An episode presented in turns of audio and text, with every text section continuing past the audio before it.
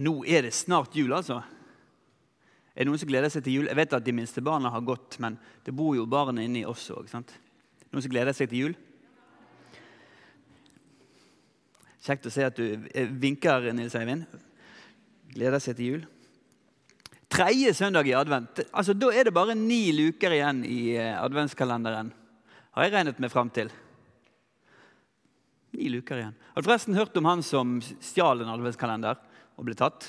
Vet du hva han fikk? 24 dager. Den hadde ikke du hørt, nei. Er du ferdig med juleforberedelsene? Det er så mye som skal gjøres. Eller, det kommer litt an på hvem du er, da. Eh, nå har jeg kommet i en fase i livet der jeg kjøper en god del julepresanger igjen. Eh, til de nære og kjære. Men jeg hadde en periode, typisk da jeg var nygift, der jeg bare kjøpte én eneste gave. Og det var den til min kone. Alle de andre gavene kjøpte hun. Til og med til foreldrene mine kjøpte hun. Så Hildegunn, Hva er det som har skjedd med relasjonen vår med forholdet vårt etter det? Jeg synes det var veldig fint eh, på den tiden. i hvert fall. Hvorfor er den tiden forbi? Det var et år jeg kjøpte gaven, den ene, til Hildegunn på julaften. Så jeg har vært eh, den mannen. Men det ble en veldig fin gave. altså. Nå har jeg blitt eldre og mer moden, liker jeg i hvert fall å tro. I hvert fall blitt eldre. Og Kanskje er det fordi jeg hvert eh, år nå sparer til julenisseskjegg at jeg må kjøpe litt flere gaver. Den som har skjegget, må kjøpe gavene. Kan være det. Så ligner jeg litt mer og mer på julenissen for hvert år som går. For jeg ser at det blir stadig mer grå hår i skjegget etter hvert. Til neste år blir jeg 40, så da blir det sikkert helt grått på dagen, antar jeg. De sier forresten at du er ikke gammel før du syns at julenissen begynner å se ung ut.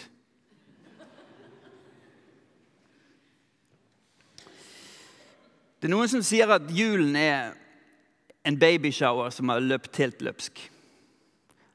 Så er det andre som sier at julen er først og fremst en religiøs høytid som vi må markere skikkelig med at hver enkelt av oss legger ut på en reise, hver til sitt kjøpesenter. Og Jeg var på kjøpesenter i går for å kjøpe noen gaver. og Der møtte jeg en som jeg kjenner. og hun, Vi snakket om dette her, at det er så mye stress og det var jo ikke dette som var poenget med verken adventstiden eller julen. Og så sa hun nei, men vi venter jo på en som vi kjenner. Og det er veldig fint. Og syntes, jeg syntes det hørtes litt rart ut der og da. Vi venter på en som vi kjenner. Hun tenkte på Jesus. hvis ikke du skjønte det. Men egentlig så er det veldig fint å tenke på det. Når vi stresser, når vi forbereder, og når vi bruker masse, masse penger på alle gavene. Poenget er jo at vi venter på en som vi allerede kjenner. Det er en helt egen stemning i huset når det nærmer seg jul. Ute er det mørkt og kaldt og regner. Men på kjøkkenet så lukter det nystekte pepperkaker, og du har eh, adventsstaken som står og skinner når det nærmer seg jul. Snart skal du bytte fra lilla lys til rød lys. For rødt, det er julens farger. Rød duk på bordet. Det blir fint. Det var et år Jeg har fortalt dette til noen før, men jeg ønsket meg en grønn bestefarsgenser. Det var veldig inn det året. Levis, det var Sist Levis var inn, så det er lenge siden. Og Det var det eneste jeg ønsket meg. En grønn bestefarsgrenser. Jeg gikk på ungdomsskolen, og um, mens det ennå var en stund til julaften, så gikk jeg og snokte der jeg visste at foreldrene mine hadde gjemt gavene. Og så så jeg en, en rød boks, en eske, som hadde mitt navn på seg. Og så tenkte jeg der har du min gave. Og så Det fine med sånne gaveesker er at du kan liksom åpne litt opp og så kikke inn. Så det gjorde jeg. Jeg kikket inn, og der så jeg Det måtte bare være den grønne bestefarsgenseren. Så nå var julen reddet. Yes! Nå blir det jul i år, tenkte jeg. Og eh, det viktigste var jo selvfølgelig å, late som jeg var overrasket når åpnet han på julaften. Det tror jeg kanskje jeg klarte. Det husker jeg ikke helt. Men jeg vet ikke om du har gjort det samme noen gang. At du har gått og snoket i gavene og prøvd å finne ut hva som er, hva som er oppi. Jeg ser noen som ler eh, her borte, så de har nok prøvd på det. Eller kanskje du liker bedre å bli overrasket på julaften når gavene skal åpnes. Uansett så er dette med å gi hverandre julegaver en kjempeflott tradisjon når vi skal huske på at Gud har gitt oss en så stor gave som han har gjort. For Det er jo derfor vi gir gaver til hverandre til jul. Fordi Gud har gitt oss en så stor julegave. Jesus. Før Jesus ble født, så hadde Gud åpenbart seg litt og litt for folk. Små glimt. Han gjorde det gjennom budene. Der åpenbarte han litt av sin vilje for folket sitt. Han gjorde det gjennom profetene, som formidlet budskap fra Gud til menneskene. Han gjorde det gjennom kongene og gjennom dommere og forskjellige som vi kan lese om i Det gamle testamentet. I Det gamle testamentet sin tid så var det ikke vanlig at folk hørte direkte fra Gud, sånn som vi faktisk kan gjøre nå. Noen få gjorde det. Profetene som vi kan lese om i Det gamle testamentet, de var noen av de som kunne høre rett fra Gud. Jesaja, Jeremia, Esekiel og resten av gjengen. En gutt som vi leser om i Bibelen, han bodde i tempelet. Og Tempelet det var jo der Gud hadde sitt tilholdssted i den gamle pakt, i Det gamle testamentets tid. Men selv om denne gutten Samuel bodde i tempelet, så forventet ikke han at Gud skulle snakke til han. Så når han hørte en stemme som ropte navnet hans, Samuel, Samuel, så trodde han at det var presten Eli som ropte på han. Og Så spurte han hva roper du for, og så sa Eli jeg har ikke ropt på deg. Og Så skjedde det flere ganger før presten Eli skjønte at det er Gud som roper på deg, Samuel.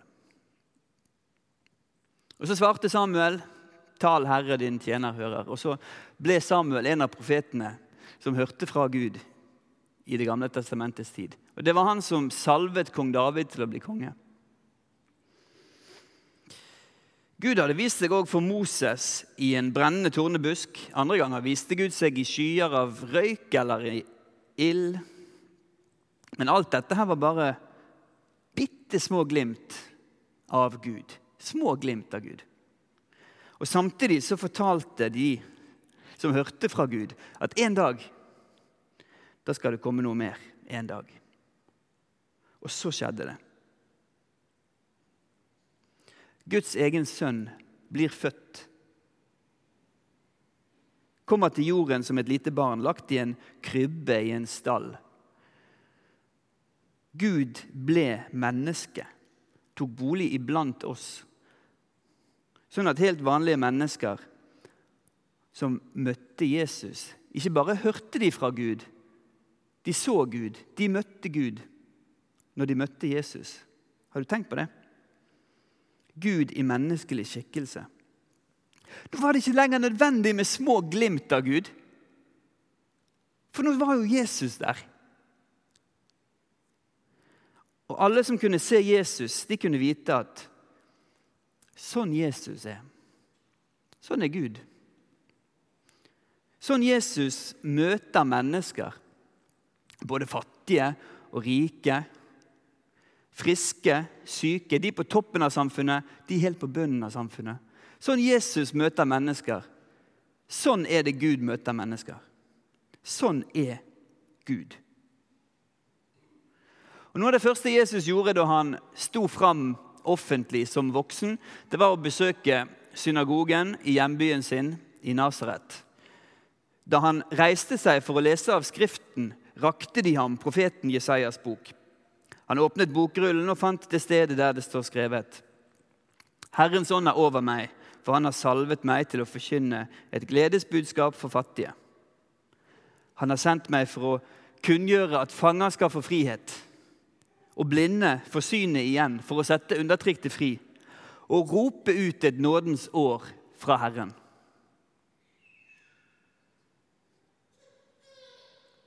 Dette leste Jesus fra profeten Jesaja i synagogen.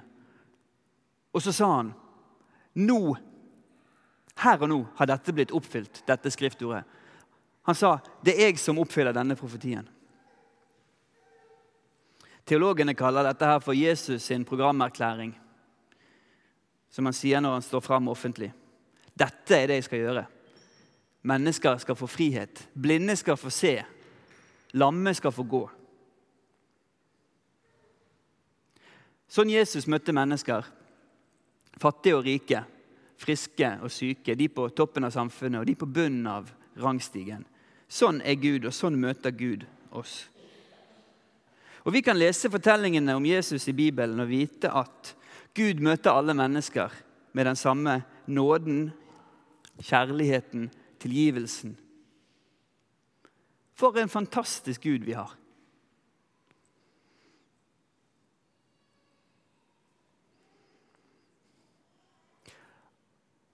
Alt dette visste døperen Johannes. Han kjente Jesus godt. Han var slektningen til Jesus. Det vet vi, for det står i Bibelen at mødrene til Jesus og Johannes, Maria og Elisabeth, de var slektninger. Vi vet ikke akkurat om de var kusiner eller hva det var. Det står at de var slektninger. Og De to var gravide samtidig. Sånn at Jesus og Johannes de var inni magen til sine mødre samtidig og ble født innenfor en sånn viss tidsrom. Når de ble voksne, kom Jesus til Johannes for å bli døpt av han i Jordanelven. Så sier Johannes ja, men du, du må ikke bli døpt av meg, det er jeg som trenger å bli døpt av deg. Og Så sier Jesus nei, det må skje sånn for at det skal oppfylle all rettferdighet. Da Jesus var blitt døpt, steg han straks opp av vannet, og se, himmelen åpnet seg, og han så Guds ånd komme nedover seg som en due, og det lød en røst fra himmelen. Dette er min sønn, den elskede, i ham har jeg min glede. Tenk å være Johannes der, altså. Tenk å være den som døper, døper Jesus. Og så Når Jesus går opp av vannet, så hører de en røst fra himmelen som sier, 'Dette er min sønn, den elskede. Tenk å oppleve noe sånt. Hvis jeg hadde vært der, så hadde jeg tenkt da skal jeg aldri mer tvile på Gud på noe som helst måte. Da er det liksom set for life, er ikke det det heter?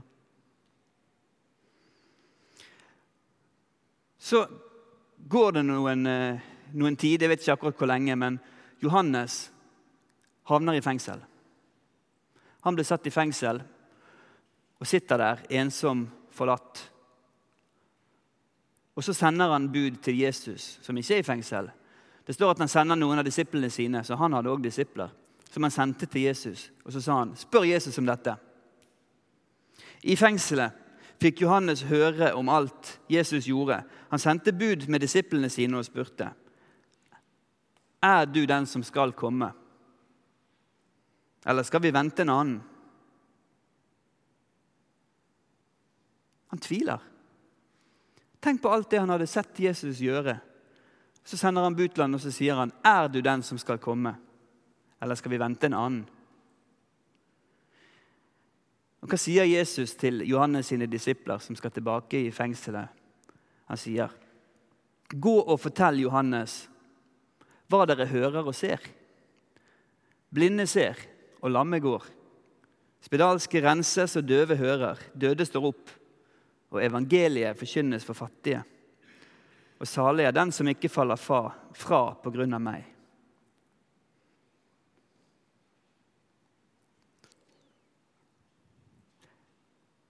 Tenk på alt Johannes hadde opplevd. Tenk på alt Jesus hadde vært igjennom med Johannes. Men når Johannes kommer i fengsel, så drar ikke Jesus og besøker han. Jeg syns det er litt rart. Jeg vet ikke hvorfor. Og han svarer ikke på spørsmålet hans engang. Han kunne jo sagt, 'Ja, Johannes, jeg er den som skal komme.' Punktum. Lev vel, eller noe sånt. Han gjør ikke det. Han sier, 'Se på. Gå og fortell hva dere hører og ser. Blinde ser, lamme går, spedalske renses, og døve, døve hører. Døde står opp, og evangeliet forkynnes for fattige. Og salig er den som ikke faller fra på grunn av meg. Det var det samme som Jesus hadde sagt da han sto fram i synagogen i Kapernaum. Der han sa 'Dette skal jeg gjøre'. Og Når Johannes begynner å tvile, så sier Jesus, 'Men se, jeg gjør det som jeg har sagt at jeg skal gjøre'. Kanskje var problemet til Johannes at han fokuserte på det Jesus ikke gjorde. For hva var det Jesus ikke gjorde? Han sa jo at han skulle sette fanger fri. Men der sitter Johannes i fengselet, fanget. Kanskje det var derfor han trodde at Jesus ikke var den som han sa at han var. Men Johannes rettet i hvert fall fokuset sitt mot det som ikke skjedde. Jesus svarte, 'Ja, men ikke se på det som ikke skjer. Se på det som skjer.' Himmelriket har kommet nær, sa Jesus. Men det har ikke kommet for fullt. Det har ikke kommet 100% her og nå hos oss. Det vet vi jo alle sammen. Vi er ikke i himmelen allerede. Men vi får se små glimt. Jeg har en sønn som heter Samuel. Jeg har faktisk to sønner som er kalt opp etter profeter i Det gamle testamentet. Det, det må være fordi det står i 1. Tessalonika-brev 5,20.: Forakt ikke profetord.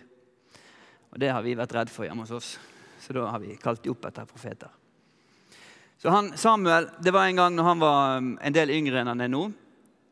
Da sto han opp eh, mye seinere. Nå står han opp tidlig om morgenen for å finne iPaden sin. Og I dag tidlig så fant han telefonen og ringte til en kompis før klokken var blitt ni. Jeg tror klokken var åtte når de ringte til hverandre og spilte sammen. Kjekt for de. Men dette her var da han var yngre. Og han lå og sov. Og jeg var på badet tidlig en lørdag, for jeg skulle på en sånn eh, konferanse som vi arrangerte med Norskikken, Momentum. Og mens jeg sto på badet og, gjorde meg klar, så kom han løpende inn til meg og så sa han, 'Hvorfor ropte du på meg?' Og jeg er jo mye smartere enn presten Eli. Jeg skjønte med en gang at det var ikke jeg som ropte på deg, det var Gud. Jeg sier det litt på tull, men samtidig så tror jeg det var noe, noe profetisk i det. At han som heter Samuel, kommer til meg og sier, 'Hvorfor ropte du på meg?'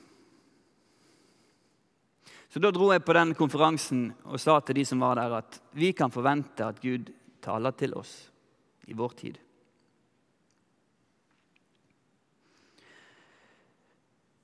Vi får se små glimt av himmelriket. Mennesker har alltid lurt på hvordan Gud er. Og Da Jesus ble født, så fikk vi svaret. Sånn Jesus er. Sånn er Gud. Uten unntak. Jesus møter mennesker sånn Gud møter mennesker. Det er en som var erkebiskop, toppsjef i kirken i England. Han sa Gud er Kristus lik, og i Gud finnes ingen ikke Kristus-likhet. Det er ingenting i Gud som ikke er lik Jesus. Jesus sier det samme når Philip sier, 'Herre, vis oss Far. Det er nok for oss.' Så svarer Jesus, 'Kjenner du meg ikke, Philip, enda jeg har vært hos dere så lenge?' 'Den som har sett meg, har sett Far.' Hvordan kan du da si, 'Vis oss Far'? Eller i begynnelsen på Johannesevangeliet, som vi leser på første juledag. Ingen har noen gang sett Gud, men den enbårne, som er Gud, og som er i fars favn, han har vist oss hvem han er. Da Jesus gikk på jorden, så ga han oss små glimt av himmelen. Tiden er inne, Guds rike har kommet nær, sa Jesus. Og gjennom livet sitt som han levde, så viste han oss glimt av himmelriket. En gang så mettet han 5000 menn pluss kvinner og barn, sånn at ingen gikk derfra sultne. Han helbredet syke, sånn at de ble helt friske. Blinde fikk syn igjen. Lamme kunne reise seg og gå. Jesus stillet stormen, sånn at disiplene ikke lenger var i fare. Han vekket opp døde. Jesus ga oss glimt av himmelen, og Gud har lovet at en dag så skal det bli sånn. Da skal Gud tørke bort hver tåre fra deres øyne, og døden skal ikke være mer. Heller ikke sorg eller skrik eller smerte. Så da jeg åpnet den røde esken mange dager før julaften og kikket inn, så fikk jeg et lite glimt av det som skulle komme på julaften. Jeg så ikke alt, men jeg så nok til å vite hva det var. Og På samme måte så har Jesus vist oss hvordan Gud er. Og han har gitt oss små glimt av det som skal komme. Den gang Gud skal ha sin bolig iblant menneskene, som det står om i Johannes' åpenbaring. Vi har ikke sett alt, men det vi har sett, det kan vi virkelig lengte etter og glede oss til.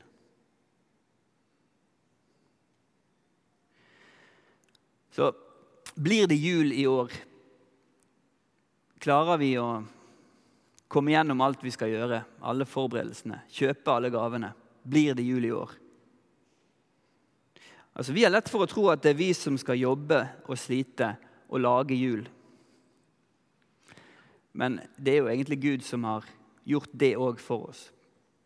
Gud har gitt oss julen. Vi venter på en som vi kjenner, som hun sa, Anita, som jeg møtte i går. En som har gjort alt klart for oss.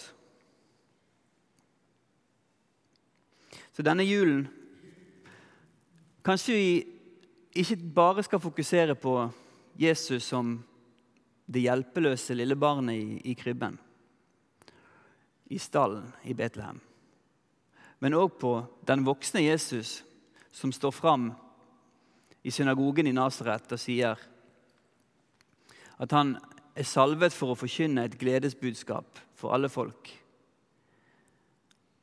At de blinde skal få se, at de lamme skal gå, at de undertrykte skal få frihet. Og at han roper ut et nådens år fra Herren. La oss be sammen.